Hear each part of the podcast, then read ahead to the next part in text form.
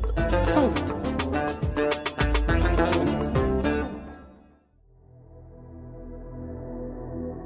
عمري خمسين سنة متزوج عندي بنت. أهلي كليتهم عشرة ما شاء الله كل كل واحد طوله مترين. عندنا الوحيد بين العائلة بين 11 واحد. راح دكاترة يشوف شو السبب. كان بالسنة ال 72 73 أنا مولود 71 قالوا هذا بيطلع قصير بس قسم قصير القامة بس ما في أي أمراض معه ولا أي شيء يعني بيقولوا إنه في حدا من عيلكم من هون من قرايب أمي من قرايب أبي ما فيش ولا واحد طلع إيش إلا أنا. والحمد لله على كل شيء.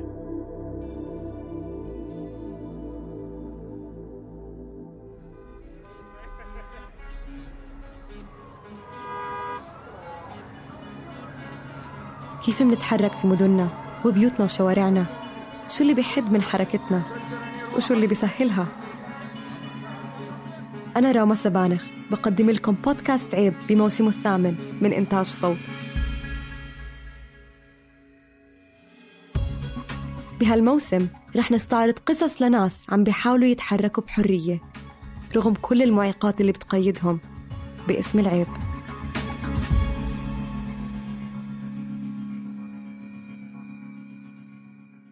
تجربتنا لمدننا وقدرتنا على الحركة السلسة والكاملة فيها مش دايما محدودة بسبب عرقنا أو نوعنا الاجتماعي أو طبقتنا وبس.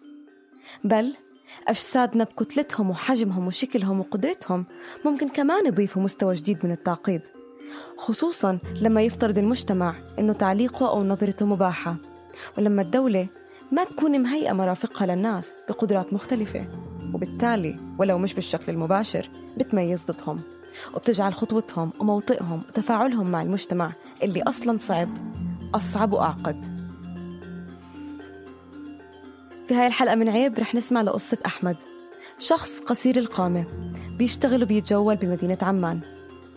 أحمد حكالي عن تجربته على عدة مستويات على المستوى الشخصي بحركته الفردية وطفولته وعلى المستوى العام وحركته المجتمعية بدوره الرياضي والثقافي في جمعية أسسها.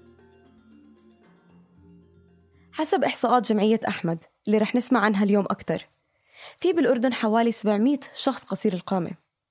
تجربة أحمد بتورجي إنه الصعوبات اللي فرضت أمامه مش بس هو اللي بيتحملها ولكن تجربته ممكن تكون انعكاس لتجارب أفراد آخرين.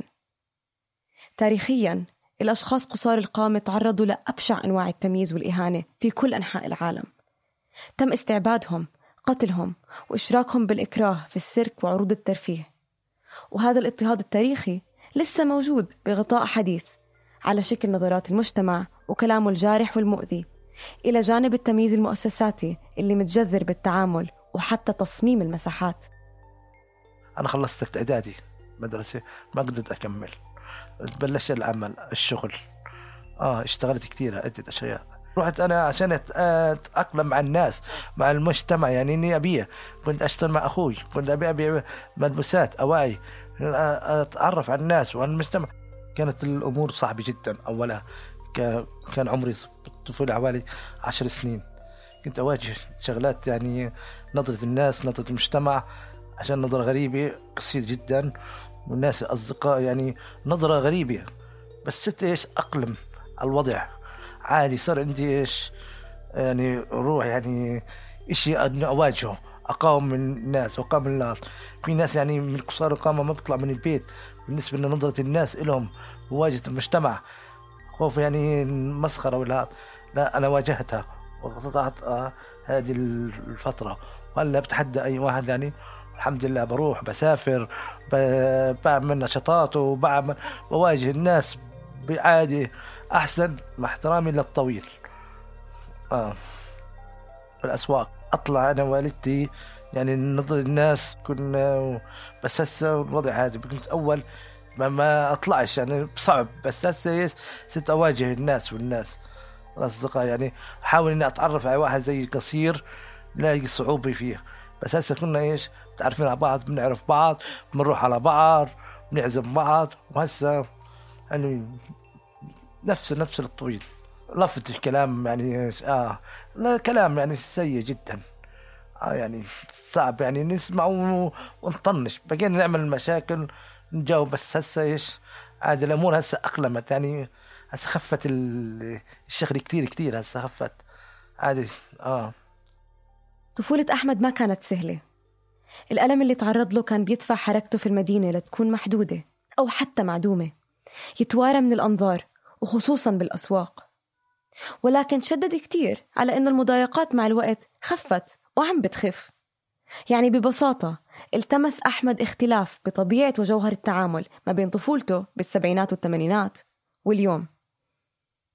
لما سألته عن السبب وضح لي إنه برأيه رؤية وظهور وإبراز الأشخاص قصار القامة أمام الناس ودخولهم إنتاجات وفضائيات خفف من وجود التمييز والعنف اللفظي. يعني الخروج والمواجهة هو الطريق اللي سلكه واللي أثمر نتائج إيجابية محيطه الاجتماعي. هسه الناس عندنا كثرت من قصار القامة صار يجي بالتلفزيون ويشوف يواجه المجتمع صار الوضع عادي. يعني ما كان عادي يعني بتطلع بس عادي ما في يعني ما في نظرة. صرنا نطلع على التلفزيون وعلى التلفونات وعلى الفيسبوك نواجه يعني عادي صار إيش يسلموا علينا وحطونا تحية. يعني من نظرة الناس هذا. زمان في سنة 1987 نعمل مسرحيات. آه عملنا عدة مسرحيات.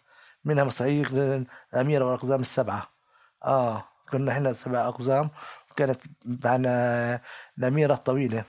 آه عملناها ونطلع على المدارس ونروح على آه، نسافر ونروح على المحافظات عشان نواجه الناس إن إحنا قصار بنعمل مسرحيات وكل شيء. صار في الأطفال. وانبسطوا وكل شيء يعني. نشهر بحالنا قاعدين. أيوه صار معرفي أكثر. آه. معرفة الناس زادت. وقصار القامة قالوا بكل جرأة نحن هون. جزء وشريك بالمجتمع. موجودين أمامكم بمدارسكم على شاشاتكم ومواقع التواصل الاجتماعي. وهذا الالتفاف من قصار القامة حول نفسهم وتنظيم نشاطات. خرج بتأسيس أحمد ورفاقه جمعية ثقافية ورياضية في الأردن. بتسند وبتجمع أشخاص من قصار القامة وآخرين على حد سواء وبتتضمن فريق كرة قدم عالمي ومحترف. جمعية قصار القامة للثقافة والفنون تأسست سنة 2017 فيها حوالي 50 عضو من هذه الجمعية مشكلين من الطوال ومن القصار أناث وذكور نشاطات عندنا ثقافة مسرحيات رياضية. بنعمل مسرحيات ثقافة ونشاطات ورياضة. وهلا في عندنا هنا فريق كرة قدم أسسناه 2019 طلعنا على المغرب. كان في عندنا دعوة مهرجان. إيه، دعونا آه، جمعية قصار القامة في المغرب. ورحنا عليهم وطلبنا الدعوة بعثوا لنا إياها. كان عندهم مهرجان كبير في المغرب. آه وعملنا المهرجان. كان معنا شباب من قصار القامة. كان عندنا بالصدفة عندهم فريق كرة قدم وعندنا فريق كرة قدم لعبنا مباراة شو رأيكم نلعب مباراة؟ لعبنا مباراة وفزنا عليهم. كان فزنا عليهم سبعة ثلاثة.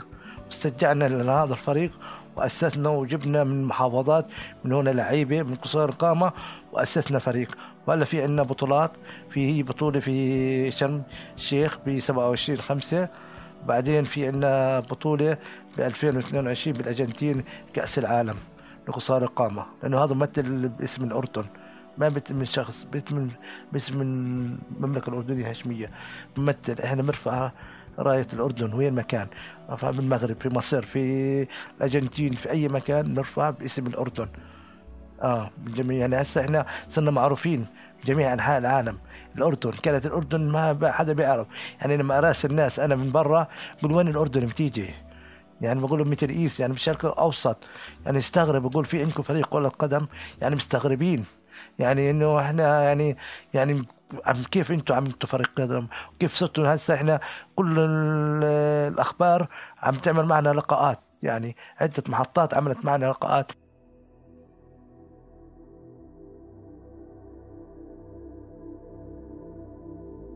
مع إنه قصار القامة في الأردن عم بينافسوا عالمياً وبيدخلوا محافل دولية بيمثلوا فيها البلد. محلياً القصة مختلفة تماماً.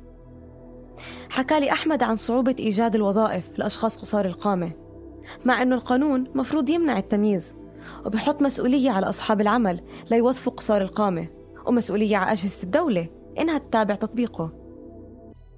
حسب قانون حقوق الأشخاص ذوي الإعاقة رقم 20 لسنة 2017 لا يجوز لصاحب العمل التمييز ضد أي شخص قصير القامة أو يعاني من إعاقات بالحصول على العمل إذا ما تضارب مع طبيعة العمل. بالإضافة لتوفير التسهيلات اللازمة إن كانت مطلوبة للشخص ينجز عمله أي عدم وجود أي شكل من أشكال التمييز على أساس الإعاقة في المنشأة. هذا إلى جانب نظام تشغيل الأشخاص ذوي الإعاقة لسنة 2020 اللي بيطلب من المنشآت توظف 4% من عمالها من ذوي الإعاقة. إذا كان إجمالي العمال فيها أكثر من 50 عامل. وإذا منشأة أصغر يعني ما بين 25 ل 50 عامل لازم تشغيل شخص واحد ذو إعاقة على الأقل.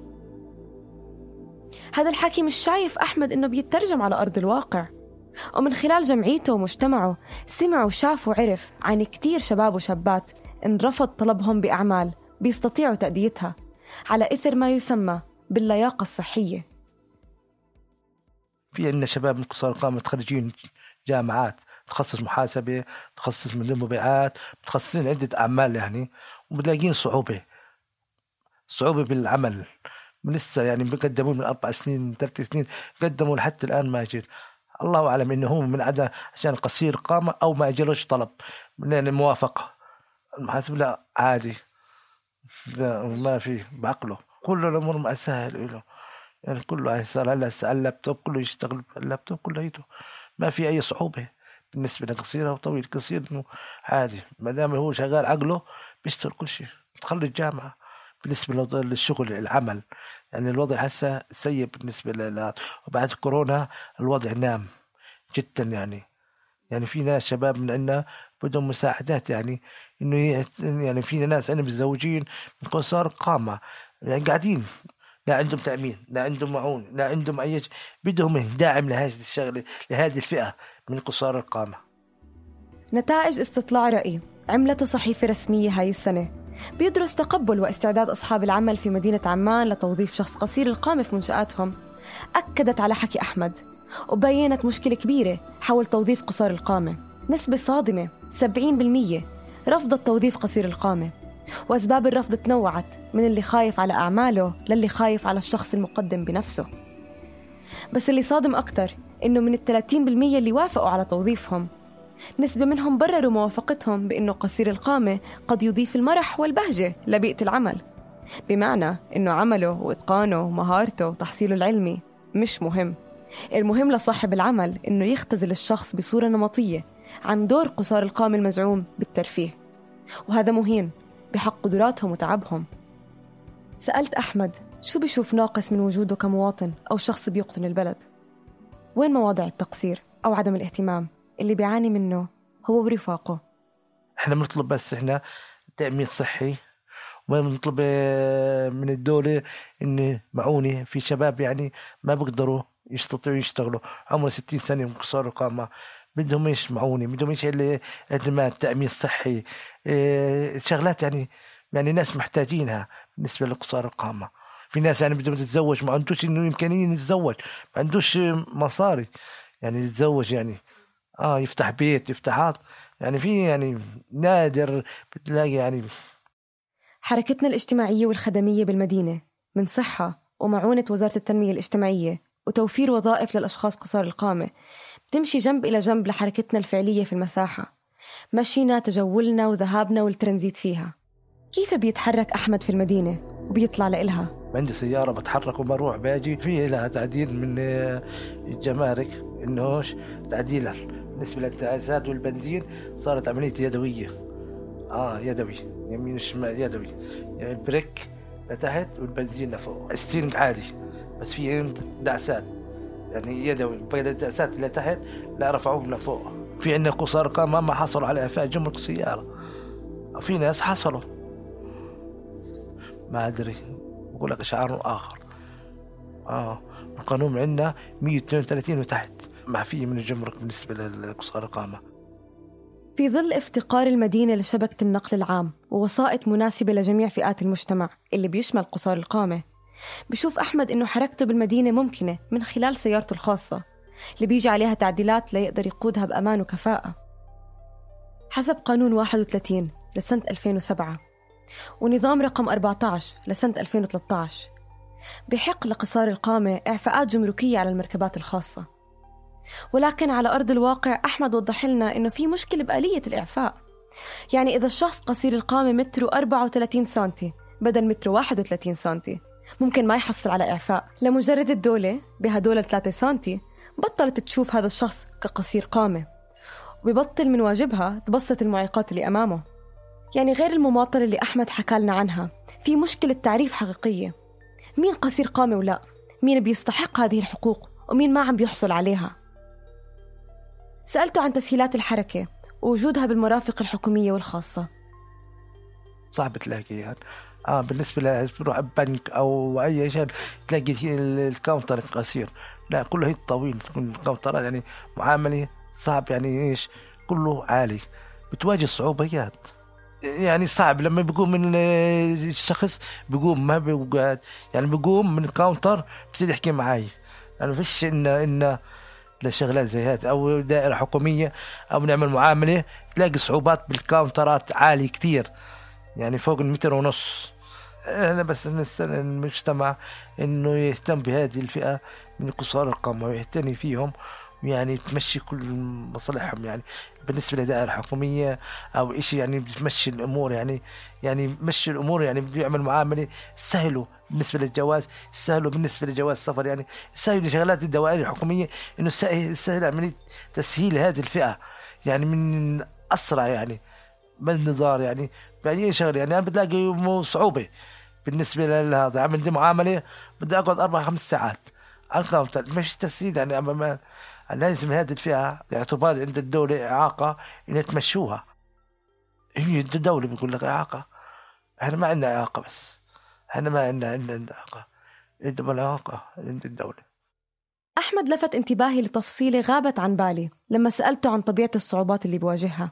counter المعاملات وطوله بشكل مشكلة كبيرة وبتتأخر معاملاته لمجرد إنه شباك الخدمة مش مصمم لاستقبال أطوال متفاوتة من المراجعين. ال counter مثال واحد لكيف المساحات سيئة التصميم بتتحول لمساحات عدوانية. بتبعد الشخص عنها. وبتجعل حركته في المجتمع والدولة أصعب لمجرد إنه عليه ينجز معاملة ببنك أو بالدائرة الحكومية. لما خش على لا الحكومة تستنى ما إشي إنه إيش تعملين التسهيلات. يعني في أوروبا عندهم بعملون معاملة يعني إشي باحترامي أحسن من الطويل. ليش بعملهم تسهيلات بالنسبة لهم يعني أنا بعرف أجانب من كل شيء يعني بيهتموا فيهم. بعطيهم سيارات بعطيهم معونة يعني رواتب وتأمين صحي وكل شيء معطيهم الراحة لهم بالنسبة لهذه الفئة. يعني أنا يعني رحت على مؤتمر في ألمانيا بسنة 96 آه تفاجأت يعني بعثوني دعاوي ورحت عليها. تفاجأت استغربوا إني أنا جاي من الأردن. دعوني. استغرب كل شيء عندهم شيء خيال. آه حياتهم. شفت يعني كيف بتعاملوا كيف يعني بيعملوا معهم. يعني عندهم جمعية كبيرة. حوالي 5000 6000 في ألمانيا في بريمن يعني أنا استغربت يعني تفاجأت يعني. قلت وين نصير إحنا نصير زيهم.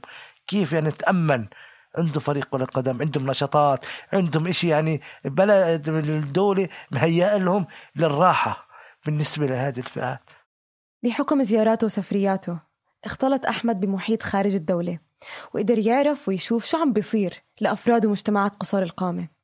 من إجراءات تفضيلية وحقوق خاصة فيهم بتزيل الإعاقات المفروضة عليهم مش بخيارهم. طبعا ما بيقدر الواحد إلا يتساءل ويتفاجأ عن غياب هاي الإجراءات في البلد مع إنه الدولة عندها التزام قانوني وأخلاقي تجاه أفرادها بإنها تسطح أي تمييز ممكن يتعرضوا له. سألته عن المستقبل. تحديدا مستقبل الأطفال قصار القامة بما أنه عنده بنت.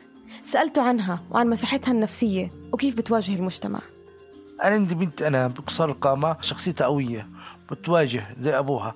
أنا عندي آه عمرها 13 سنة. هلا في الصف السادس أنا ما شاء الله.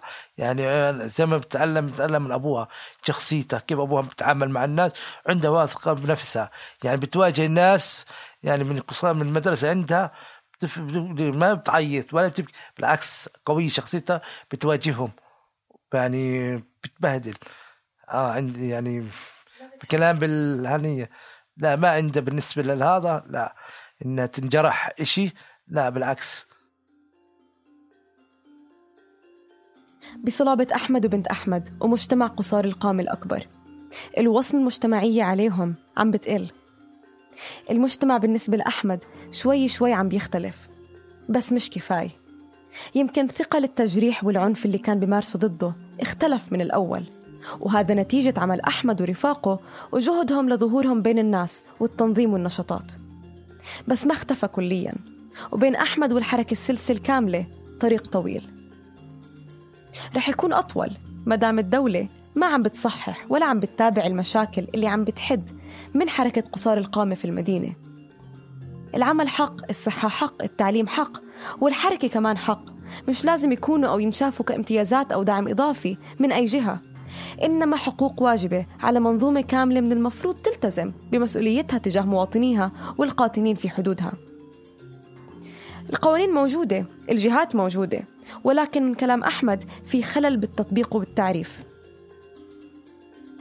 العيب مش بالشخص المعاق العيب باللي بيعيقه وبهينه مصدر الإعاقة مش جسده بل الإعاقة جاي من التنظيم والمساحات والبنى الاجتماعية والعمرانية المعيقة.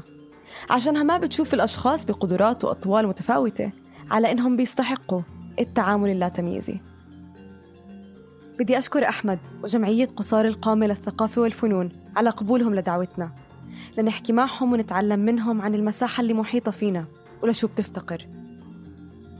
كنا معكم من الإعداد الكتابة والتقديم راما سبانخ من التحرير صبرين طه من هندسة الصوت فراس عرابي ومن النشر والتواصل مرام النبالي وبيان حبيب. ما تنسوا تشتركوا بقناة عيب على تطبيقات البودكاست لحتى توصلكم تنبيهات الحلقات الجديدة. بودكاست عيب من إنتاج صوت.